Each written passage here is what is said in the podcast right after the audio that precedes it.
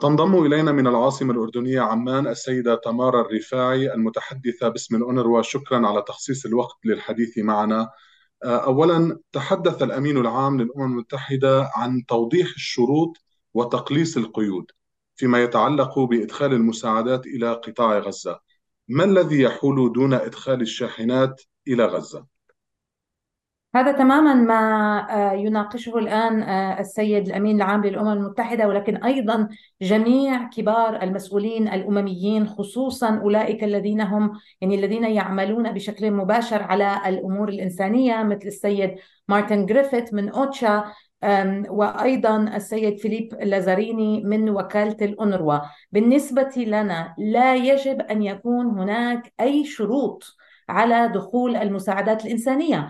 ولا يجب أن يكون هذا الدخول دخول وحيد. يعني نحن نتحدث منذ أيام عن دخول عدد من الشاحنات. قيل في الأول أنه 15 شاحنة ثم 20 ما نطالب به ك يعني هيئات للأمم المتحدة والمجتمع الإغاثي عموما هو دخول غير مشروط وتدفق مستمر للمساعدات الإنسانية.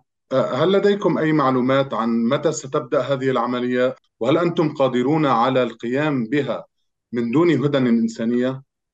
من غير الممكن أن نقوم بعملنا دون أن يكون هناك ضمانات لأمن وسلامة العاملين في يعني في في المجال الإنساني والشاحنات. وهذا جزء من المفاوضات القائم منذ أيام. هو آه، أن يتم ضمان أمن وسلامة الشاحنات ومن يرافقها من من العاملين الإغاثيين.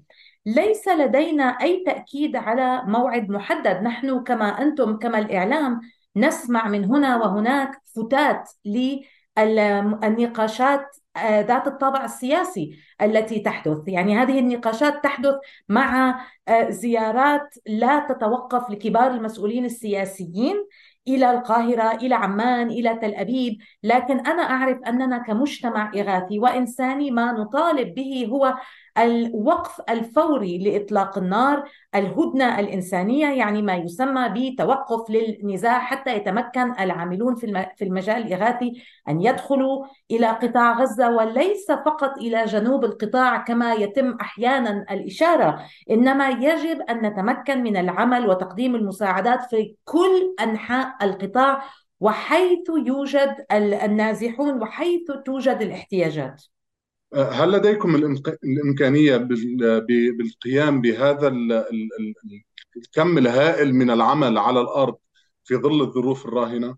أنا أعمل في وكالة الأونروا للاجئين الفلسطينيين ونحن آه، لدينا أكبر شبكة على الأرض شبكة مدارس وشبكة وشبكة مراكز صحية وأيضا أكبر شبكة مستودعات بإمكانها أن تتلقى المساعدات. كما أن لدي 13 ألف من الزملاء في غزة. وأظن أنهم جميعا على استعداد فوري أن يساعدوا أقربائهم وعائلاتهم ومجتمعهم. فمعظم زملائهم أصلا من غزة. الكثير منهم حاليا موجود في ملاجئ الأونروا أريد أن أذكر أننا حاليا نتحدث عن أكثر من نصف مليون شخص يعني حوالي ال 550 ألف شخص متواجد في حوالي 147 منشأة من منشآت الأونروا الكثير منهم هم زملائي والكثير منهم للأسف يعني لديهم باع طويل وخبرة في العمل في النزاعات المسلحة وهم على استعداد. لكن سؤالك بمحله بمعنى هل لدى جميع العاملين في المجال الإنساني والهيئات وخصوصا تلك التي تدمرت بعض منشآتها يعني مثلا الأونروا آه، يعني تدمر حوالي 33 من مبانينا هل لدينا القدرة اليوم على استيعاب تدفق ضخم من المساعدات الإنسانية؟ أظن أنه مع بداية دخول المساعدات سوف نضطر إلى إعادة التخطيط حتى نرى ما مدى استيعاب أو قدرة المستودعات على الاستيعاب وقدرة زملائي أن يخرجوا من الملاجئ. وهنا نعيد التذكير بضرورة أن آه، يقوموا بعملهم بشكل آمن. لذلك يجب أن يكون هناك هدنة. هل ما زلتم تقدمون آه، الخدمات حاليا؟ آه، كيف يتم ذلك في ظل الوضع الأمني الراهن وشح الموارد؟ حصل بالأمس 300 3500 شخص على خدمات طبية في ثماني مراكز صحية للأنروا. نحن لدينا حوالي 25 مركز صحي في غزة لكن لا نستطيع أن نشغلهم كلهم وأيضا لا يستطيع الكثير من زملائي العاملين بالمجال الطبي الأطباء الممرضات إلى آخره لا يستطيعون أن يصلوا إلى المراكز. لكن حيث نستطيع الوصول نقدم الخدمات. لدينا مشكلة كبيرة بإمكانية توفير الماء والمواد الغذائية وأيضا الدواء في آه، في مراكز الإيواء. نحن بحاجة ماسة وفورية أن يتم إدخال مياه نظيفة ويتم إدخال وقود حتى نستطيع أن نشغل محطات التحلية تحلية الماء.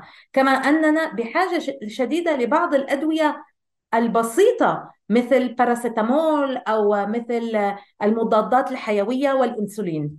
هناك تقارير بالأمس عن قصف آه، بالقرب من إحدى مدارس الأونروا آه، في خان يونس. ما هي الأوضاع في تلك المدارس والمنشآت التي تحولت إلى ملاجئ؟ الأوضاع شديدة التوتر ومن فيها شديد الخوف. بمعنى أن كما قلنا هناك أكثر من نصف مليون شخص في غزة مدني آه، نزح إلى منشآت ومدارس الأنروا بحثا عن الأمان خصوصا ذلك الأمان الذي يوفره آه، العلم الأزرق التابع للأمم المتحدة. لكن أن يتم آه، يعني تدمير هذه الملاجئ بينما المدنيون في داخلها فهو أمر غير مسبوق ويحدثني زملائي في غزة عن مستوى الصدمة الذي يعيشه من هم داخل هذه الملاجئ إذ يكررون نحن هنا لأننا ظننا أن الأمم المتحدة تحمينا وما زالوا يعودون إلى المدارس حتى تلك التي دمرت يعني يوم آه يوم يعني آه الضربة آه، على على هذه المدرسة التي التي تفضلت حضرتك ذكرتها خرج من فيها ولكنهم عادوا عادوا لأنهم يثقون بالأمم المتحدة ولكنهم يصدمون أيضا أن حتى ملاجئ الأمم المتحدة لم تعد آمنة. ما صحة المعلومات بأن الأونروا بدأت بنصب خياما في آه، جنوب قطاع آه، غزة لاستقبال النازحين من الشمال؟ أنا رأيت الصورة التي يتم تداولها على شبكات التواصل الاجتماعي. أريد أن أؤكد أن هذه صورة من داخل ملجأ من ملاجئ الأنروا وهذه الصورة للفناء الداخلي لهذا الملجأ والذي كان ينام فيه في العراء الكثير من النازحين. لذلك نحن أخرجنا خيام من مستودعاتنا ووضعناها في ملجأ أصلا هو مستخدم اليوم. علنا نعطي من يستخدمون هذه الملاجئ بعض الخصوصية التي فقدوها بسبب الاكتظاظ في آه، الملاجئ. السيدة تمر الرفاعي شكرا لك على هذه المقابلة.